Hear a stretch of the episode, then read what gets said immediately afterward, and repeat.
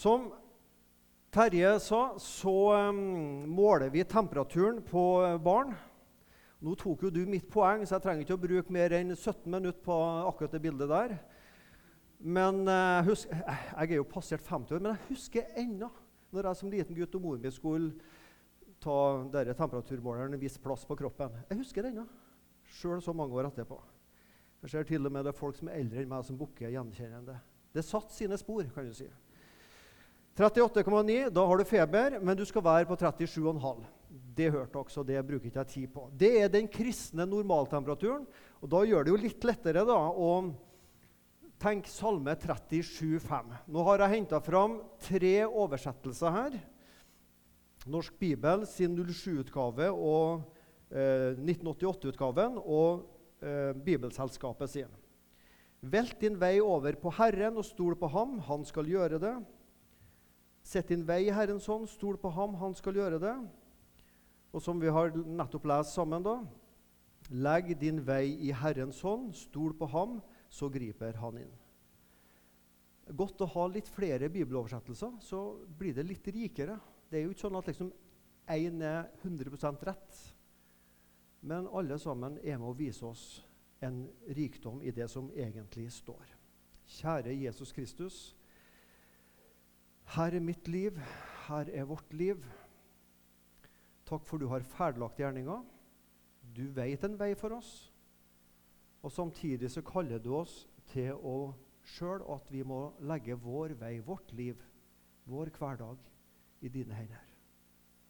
Takk for at det er den beste plassen å lande det er å lande i dine åpne, åpne favn, i dine armer.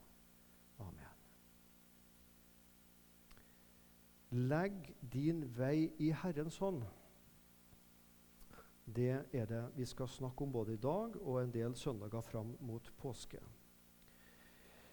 Hva betyr det? Hva, hva betyr vei? Det betyr liv. Det betyr hverdag. Altså livet mitt. Legg livet ditt i Herrens hånd. Stol på Han. Han griper inn. Han skal gjøre det. Når du setter deg på et fly, så legger du ditt liv i piloten sine hender.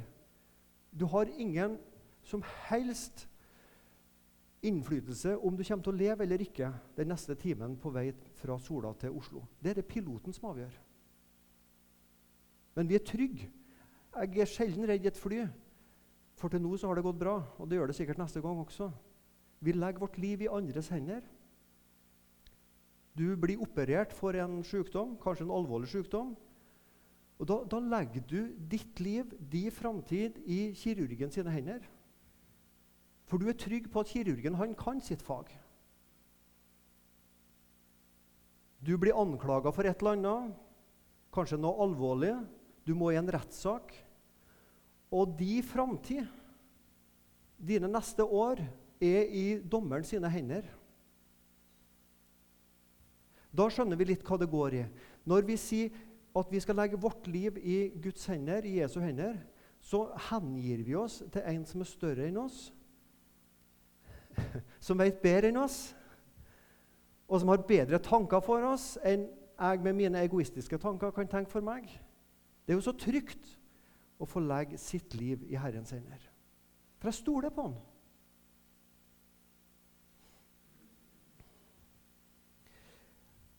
Jeg skal bruke noen minutter nå og si noe om å bytte ut ordet 'vei'. Legg din vei. Så skal vi bytte ut vei med ulike ting. Hva betyr vei i din og min hverdag? Jo, det kan bety mine synder. Legg dine synder i Herrens hånd.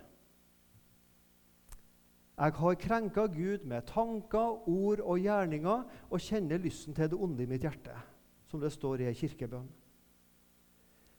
Alt det kan jeg få legge i Herrens hender. Kom, la oss gjøre opp vår sak. Ikke bare din sak, sier Gud, men vår sak. Vårt fellesskap. Om dine synder er som purpur, skal det bli hvite som snø. Er de røde som skarlagen, skal de bli hvite som ull. Kom, sier Gud. Her er ei åpen favn. Du har ikke noe å frykte. Jo, det har vi jo. Så Hvis jeg møter Gud på dommens dag uten å ha gjort opp med synd, så har jeg grunn til å frykte. Men kan jeg i levende livet få komme med min synd til Gud, så kan jeg få legge den over på Gud. Vi skal komme tilbake til synd. Så jeg starter talen med å snakke om synd, og jeg snakker talen med å snakke om synd. Men da skal vi også snakke litt om syndstilgivelse. Så da blir det ikke bare om synd. Så hvis du sovner litt, og noen i familie eller venner spør deg når du kommer hjem liksom, ja, hva preka predikanten om, så kan du si han preka om synd. Og Hvis de da skal spørre deg litt mer om du husker det, så spør de ja, hva snakka han om synd. Hva mente han om synd? Så kan du svare han var mot synda. Et lite forsøk på å være morsom. Takk. Legg, du skal få legge min tro, din og min tro og tvil i Herrens hender. Min tro, din kristne tro, er ingen gave til Gud. Å, Gud, du er så heldig! Se her, troa mi! Å, Gud, du må vel være glad for å ha en sånn som meg her i Rogaland, i Sandnes. Troa er ikke noe vi presenterer for Gud. Troa er noe, en gave Gud skaper i oss. Jeg kommer med min synd til Gud, bekjenner den og tar imot tilgivelse. Og tro skapes. Jeg kan få legge min tro, også min tvil, i Guds hender. Guds hender er en plass vi kan hvile. Troa mi kan få hvile. Tvilen din kan få hvile hos Gud. Vi kan få komme med våre spørsmål. Det er aldri flaut å komme med sine spørsmål til Gud. Etter å, ha bekjent meg som kristen i over 40 år, så, så, så, har jeg fortsatt spørsmål. Folkens, jeg har jo papir på at jeg kan Bibelen. Jeg, jeg har gått på sånn fakulteter der du får et sånn fint ark når du går ut, som er stempla med noen flotte stempel, og sånn at jeg kan Bibelen. Men ennå har jeg mange spørsmål. Så kan jeg få komme med dem til Gud også. Jeg kan få komme med skuffelsene mine til Gud også. Gud blir ikke skuffa over at du kommer med dine skuffelser til Gud. Tenk det. Vi kan få legge vår tro og vår tvil i Herrens hender. Dine bekymringer og mine bekymringer kan vi få legge i Herrens hender. Legg dine bekymringer i Herrens hånd. Stol på Han. Han skal gripe inn. Det er et nytt år, folkens. Og jeg har en dårlig nyhet og jeg har en god nyhet til dere når det gjelder bekymringer. Du skal få den dårlige eh, nyheten først. Du kommer også til å få bekymringer i 2019. Det er den dårlige nyheten. Den gode nyheten er bekymringene er nye. Tenk på den, du. Du kommer til å få nye bekymringer i 2019. Kanskje var det ikke så positivt likevel. Noen av oss er sånn anlagt at og jeg tar meg i det sjøl. Jeg kunne bruke veldig mye energi på å bekymre meg for det som skjedde i går. Og søren, hvorfor sa jeg det? Hvorfor gjorde jeg det? Hvorfor ba ikke om unnskyldning med en gang? Og så bruker jeg resten av energien min på å bekymre meg for det som kanskje kommer til å skje i morgen. Det kommer jo ikke til å skje i morgen, men det kan jo hende at det skjer. Og så har jeg brukt opp halvparten av energien på gårsdagen, og så bruker jeg resten av energien på å bekymre meg for morgendagen. Og så blir man så tom i hverdagen fordi man, man er ikke til stede. Fordi at alt dreier seg om gårsdagen og morgendagen. I dag, i dag hjelper Herren. I dag er Gud. I dag kan jeg få komme mitt liv og mine bekymringer til Gud. Så går vi så lett glipp av nærværet, erfaringen av at Gud er hos oss akkurat nå. Og så er det ikke sånn at du må legge fra deg dine sorger og bekymringer og nederlag på utsida av misjonssalen og komme inn og ta på deg et salig godt smil og pynte oss litt fint. Og så ha en fristund, en fritime fra vanskeligheter, og så gå ut igjen, og så tar vi dem på igjen. Nei, det er jo akkurat her jeg kan få komme med dem. Og dele dem og legge det av og bekjenne dem. Eller vi trenger ikke å bekjenne bekymringer, da. Vet dere at Egentlig så er å bekymre seg det er avgudsdyrkelse. Og du syns det var rart sagt, men jeg skal prøve å forklare det. Fordi at når jeg bekymrer meg, så sier jeg egentlig at jeg er herre i mitt eget liv. Det er jeg som har ordnet opp i mitt eget liv. Og derfor har jeg all grunn til å bekymre meg. Men jeg kan si at Gud er herre i mitt liv. Så kan jeg få kaste bekymringene på Han. så er det han som eier dem. Er du med? På engelsk så sies eh, Ordspillet passer litt bedre på engelsk enn på norsk, og du vil skjønne hvorfor. You can either worry or worship. You can either worry or worship. Du kan enten bekymre deg eller tilbe. Hvis jeg er Gud i mitt liv, så har jeg all grunn til å bekymre meg. Hvis Gud er Gud i mitt liv, så kan jeg tilbe. Og så vet jeg også like godt som deg at sånn er ikke alltid 100% Men tenk deg å få tilbe Han som også vil bære dine bekymringer. Neste punkt mine barn. Legg dine barn i Herrens hånd. Stol på Han, så griper Han inn. Nå putter vi sånn andre konkrete ting inn i ordet vei. Mine barn, bekymringer for dem som står meg nærmest, det er naturlig. Legg dine barn i Herrens hender, og det er jeg sikker på at du gjør. Ber for, passer på at de får høre om Jesus, sender dem på søndagsskole, gir dem noe kristne CD-er kanskje, eller noe kristen påvirkning langt opp i ungdomsåra. Som forelder er du prest for dine barn. Det er viktig med søndagsskole og med yngres og med barnekor og med ungdomslag, Loftet og hva det nå er. Den viktigste åndelige påvirkeren for ditt barn er du. Den, for, den nest viktigste påvirkeren for ditt barnebarn er du. Foreldre, besteforeldre. Og så får vi som er pastorer og søndagsskoleledere vi kommer litt lenger ned på lista, og det er greit. Legg dine barn i Herrens hender. Viktigere enn snille og lydige barn er glade og trygge barn, la seg en gang. Viktigere enn snille og lydige barn er glade og trygge barn. Jeg vil veldig gjerne ha snille og lydige barn. Men enda viktigere er det å ha glade og trygge barn, også i troa. Plant inn i barnet ditt at det er elska av Gud, at Kristus ga sitt liv for barnet. At barnet ikke må ha så så mye forstand og kunnskap for å være en kristen. Og ha liksom greie på teologi og alt det her, hvordan det er med lov og evangelium og synd og nåde og sånn, før de virkelig kan ha skjønt det. Men gjør barnet trygg på at det tilhører Herren når det vil ha med Jesus å gjøre. Jeg skal komme med litt flere punkter, men jeg skal gjøre det sånn nå mellom disse punktene at det blir tre bolker. At mellom hver bolk så skal vi ta ett minutts stillhet. Og så skal vi hver for oss legge fram for Gud av det som du ser på tavla, hva du ønsker å snakke med Gud om nå.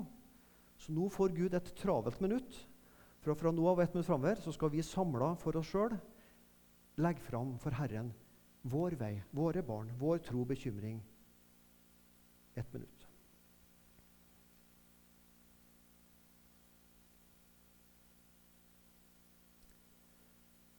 Amen. Min ektefelle. Legg din ektefelle, legg deg sjøl. Både som ekte, i ekteskap, men også som enslig, i Herrens hender. Går du med et håp om at ektefellen din kommer til å forandre seg og vil forandre seg i 2019? Noen som kikker litt bortpå hverandre her?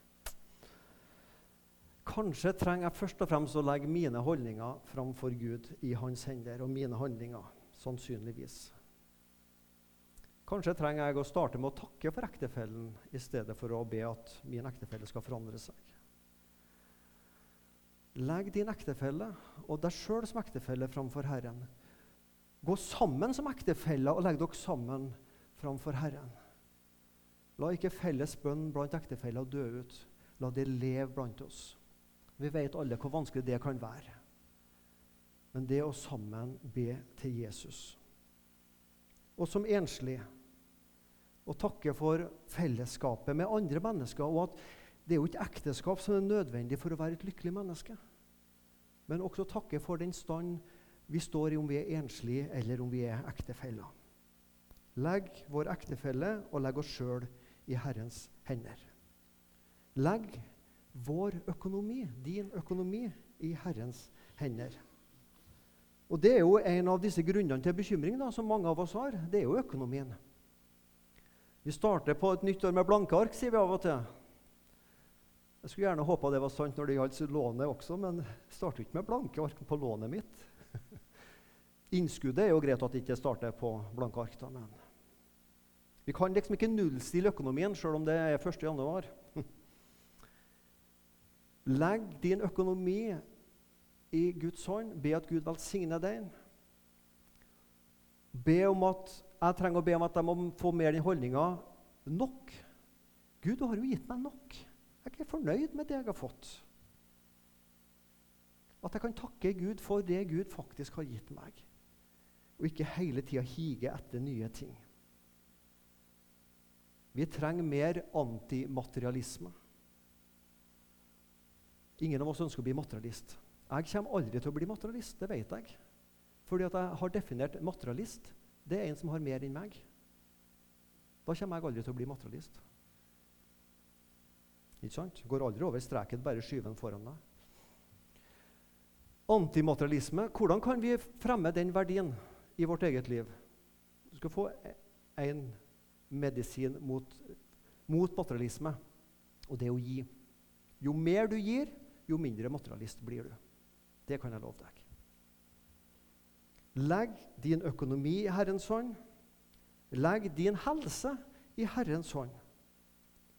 Ja, men jeg har bedt i mange år for egen sykdom eller ektefellens sykdom, mora mi sin sykdom eller barnet sin sykdom. Fortsett å gjøre det.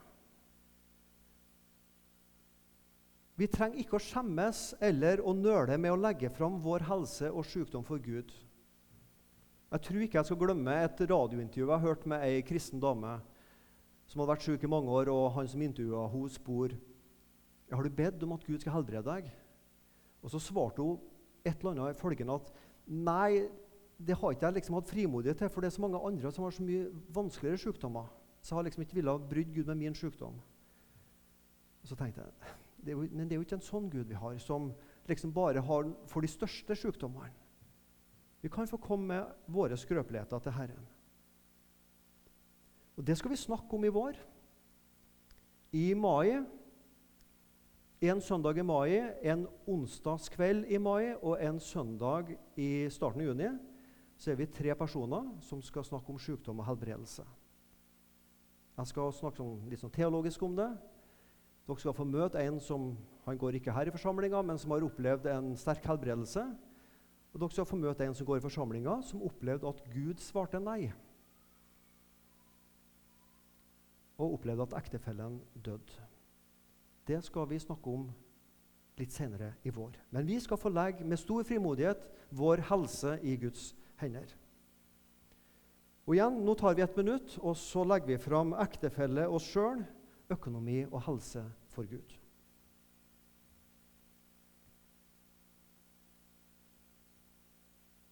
Amen. De tre siste punktene. Legg dine ikke-kristne i familie, slekt, naboer, arbeidskollegaer i Guds hender. Det er også mange av oss som vi har liksom bedt i mange år, og det nytter ikke. Ja, men fortsett å be. Gud, Det står i um, Johannes' åpenbaring kapittel 5 at i himmelen er det noen gullskåler som det var noe røkelse oppi. Og denne røkelsen er de helliges bønner, står det. Det er jo et flott bilde.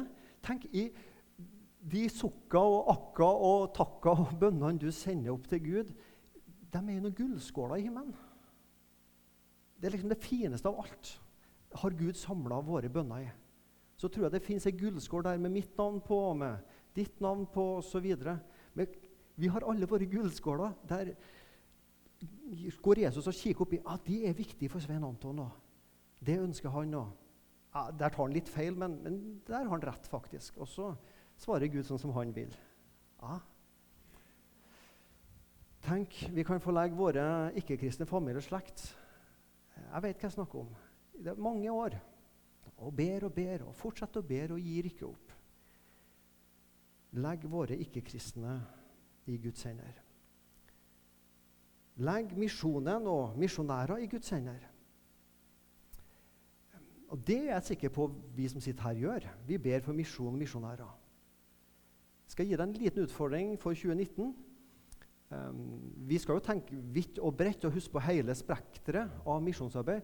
Men finn din hjertesak. Kanskje er det kristne barnehager eller skoler eller media, radioarbeidet, eller det er misjonærer, noen konkrete misjonærer. At du har noen som du liksom Akkurat den tingen ber du ekstra for i 2019. Bruk litt ekstra tid på det. Les litt om det og google det. og Gå inn på nlm.no og les litt om det. Og så liksom gir ekstra trykk på det. Guds rike, også Misjonssalen og Misjonssambandet, vi overlever av tre ting. Det er Guds velsignelse, det er bønn, og det er penger. Og mennesker, selvfølgelig. Hvis det ikke er mennesker, så er det jo ikke noe menighet. Men tar, altså, hva vil du ta vekk? Guds velsignelse? Bønn? Penger? Ja, Da må misjonæren gå til SAS og si jeg har et kall til å reise ut. Vær så god, gi meg en flybillett. Men da sier han som sitter i skranken, nei, nei, her må det penger til. Guds velsignelse, bønn og penger er med å drive misjon. Legg misjon i Guds hender. Legg menigheter, misjonssang, i Guds hender. Vi har i flere år bedt for det som har med brannstasjon å gjøre. Og det ber vi for fortsatt. At reguleringsplan og disse tingene skal lykkes. Jeg la meg til en vane for ett til to år siden at etter jeg hadde vært i misjonssalen og skulle kjøre hjem, så hadde jeg meg en runde rundt og ba for bygget. Det er jo gjort unna på en to-tre minutter, så det er jo ikke noe veldig stort offer. da. Det, det, det la meg til som en god vane. Kjør rundt bygget og be om at vi skulle få det bygget. Dette var jo før vi fikk det. Så etter en stund sa jeg til kona at nå har jeg kjørt rundt veldig mange ganger altså, og bedt for det bygget der. Helt til kona sa du skulle ikke ha vurdert i stedet for å be for bygget og be for dem som skal ta en avgjørelse, hvem som skal eie det bygget.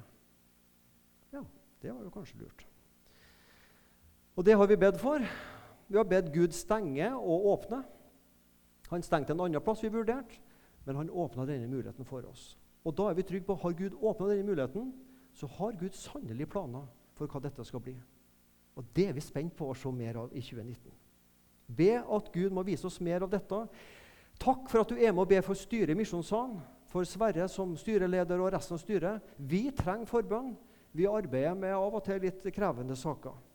Vær med og be for frivillige i Misjonssalen. Ikke minst barne- og ungdomsarbeidet, yngres, søndagsskoleledere.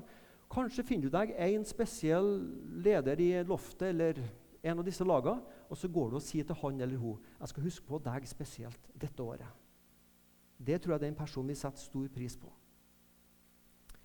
La oss bruke et minutt til å be for våre ikke-kristne familier i arbeid og naboer. Når misjonærer, NLM og vår forsamling legger det fram for Gud.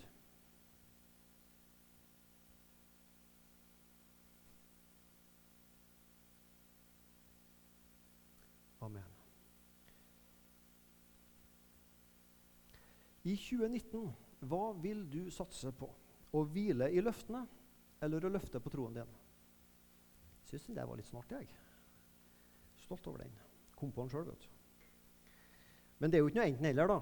Men det vil, dette er jo et sånn retorisk spørsmål der det på en måte svaret er, opp, er opplagt. Men grunnen til at jeg stiller det sånn, er for å få oss å tenke over hva er viktigst for oss i troa? Er det på en måte å prøve å løfte troa vår opp til sånn Å, jeg har en kjempetro. Eller er det å hvile i løftene som Gud gir? For det er noe løfter her i denne Salme 37,5. Han skal gjøre det. Så griper han inn. Legg din vei Herrens hånd. Stol på han. Han skal gjøre det. Han griper inn. Det er det godt å hvile i i 2019. Hva vil du sette først? Løftene eller troa du vil løfte til Gud? Det handler, Tyngdepunktet her handler om vi ender opp med nådekristendom eller gjerningskristendom. Det handler om denne skjelninga mellom evangelium og lov, mellom hvile og strev. Jo mer kristenlivet mitt ble å løfte min tro opp til Gud, og Gud, se her, en som forhåpentligvis lykkes, så ender vi i gjerningskristendom og strev og lovtrelldom. Men å få hvile i løftene som Gud har sagt, det er evangeliet. Det er nådekristendom. Det er hvile. Her skal du få tre løfter. Efeserne 3,20. Han, Gud, som virker i oss med sin kraft og kan gjøre akkurat det vi ber om. Nei, uendelig mye mer om enn det vi ber om og forstår. Er ikke du glad for det? Tenk, Gud kan gjøre mye mer enn vi klarer å be til Han om. Matteus 28, 20. Og se, jeg er med dere. Jeg er med dere alle dager. Ikke bare når du lykkes, men alle dager. Inntil verdens ende. Jesaja 59, 59,1. Se, Herrens hånd er ikke for kort til å frelse, han, og hans øre er ikke tungørt så han ikke kan høre. Tenk, vi har en Gud som har en hånd som han strekker ut fra himmelen, som når så langt ned som du kan komme her på jorda. Det er løfter og hvil i, som vi kan minne Gud om. Gud, du har jo sagt det sjøl. Det er jo ikke jeg som har funnet på det, Gud. Det er jo du som har funnet på det. Dette kan du få hvile i i 2019. Legg din vei i Herrens hånd, stol på ham, så skal han gripe inn og gjøre det. Legg din frelsesvei i Herrens hånd, stol på han. Her ser dere bilde av en gutt og en far som er ute på fisketur. Det er et nytt år, og i Kristus Jesus er vi nye skapninger. 2. Korinterne 5, 17. Dersom noen er i Kristus, er han en ny skapning. Se, alt er blitt nytt. Synda er jo fortsatt her, men den er tilgitt. Tilgivelsen, Guds tilgivelse for synd, gjelder fortida, og den gjelder i dag, og den strekker seg i framtida, framover. Som en kristen har jeg ei ny fortid, og jeg har en ny framtid, for jeg får vandre i ferdiglagte gjerninger som Gud har lagt nytt ferdig foran oss. Så var det en far og en sønn som var på fisketur. Og De satt ved elvekanten og prøvde fiskelykken. Og Etter langt om lenge og lenge om langt så sier gutten til faren Pappa, hvor gammel er elva? Pappa, hvor gammel er elva? Ja, Så smiler vi litt av det spørsmålet. Men det svaret som faren ga, det er djupt. Djupere enn elva. Ja, Det er et rart spørsmål, og faren tenker litt. Men svaret han ga, er til å bli klok av. Du skjønner det, sønn, sa han. Denne elva, den er ny hele tida. Elva har ligget der i tusenvis av år. Men det vannet som renner akkurat nå, det er nytt. Hele tida. Elva fornyer seg hele tida. Det er aldri den samme elva, sjøl om elveløpet er det samme.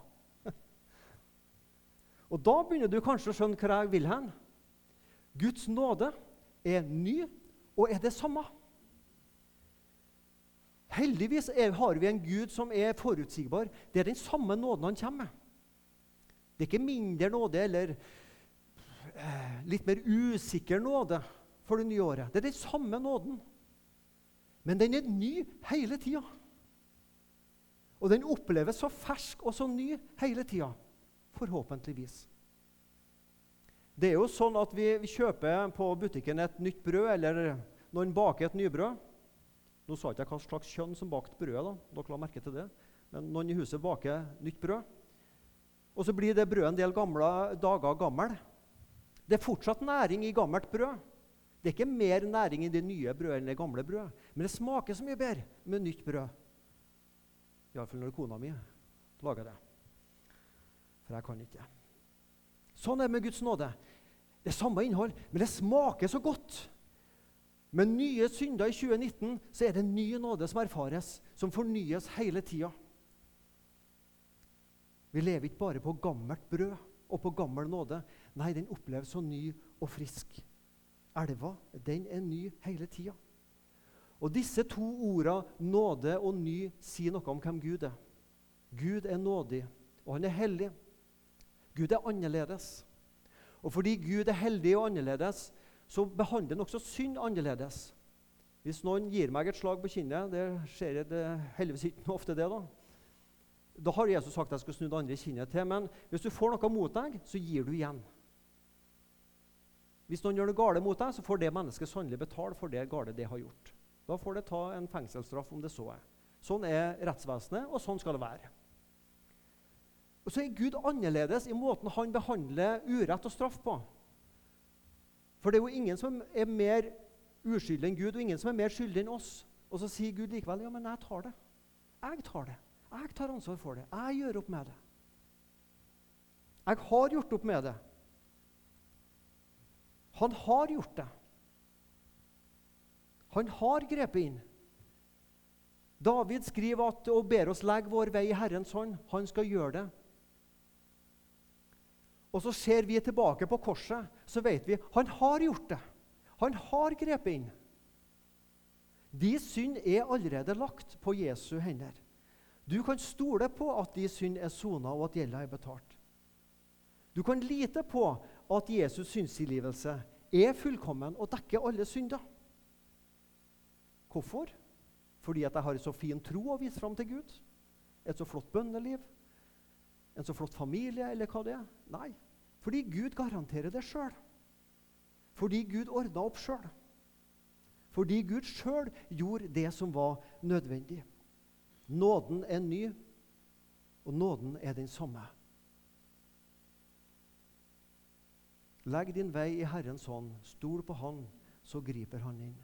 Legg din synd, din frelsesvei i Herrens hånd, så kan du stole på Han har gjort det. Han har ordna opp. Det er ferdig. Det er like ferdig i 2019 som det var i 2018. Men jeg håper at jeg skal få oppleve det som noe friskt og godt. Som nybaka brød. Noe sånn 'Å, dette trenger jeg.' Og dette oppleves 'Å, det tar bort synda mi'. Og jeg kan få hvile at synda mi er tatt bort. Den er tilgitt. Herre Jesus Kristus.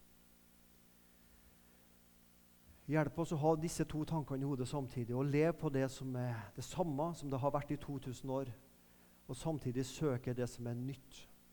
Det som erfares som nytt og oppleves som nytt. Tilgivelse for nye synder, som jeg kommer til å gjøre i 2019. Takk for du har nåde for synd. Du har hjelp for bekymringer. Du har hjelp for familietrøbbel vi har, og helse og økonomi som kanskje kan skrante. Takk, Herre, for at vi kan forlegge alt i dine hender og stole på deg og vite at du vil gi svar sånn som du ser det best. Amen.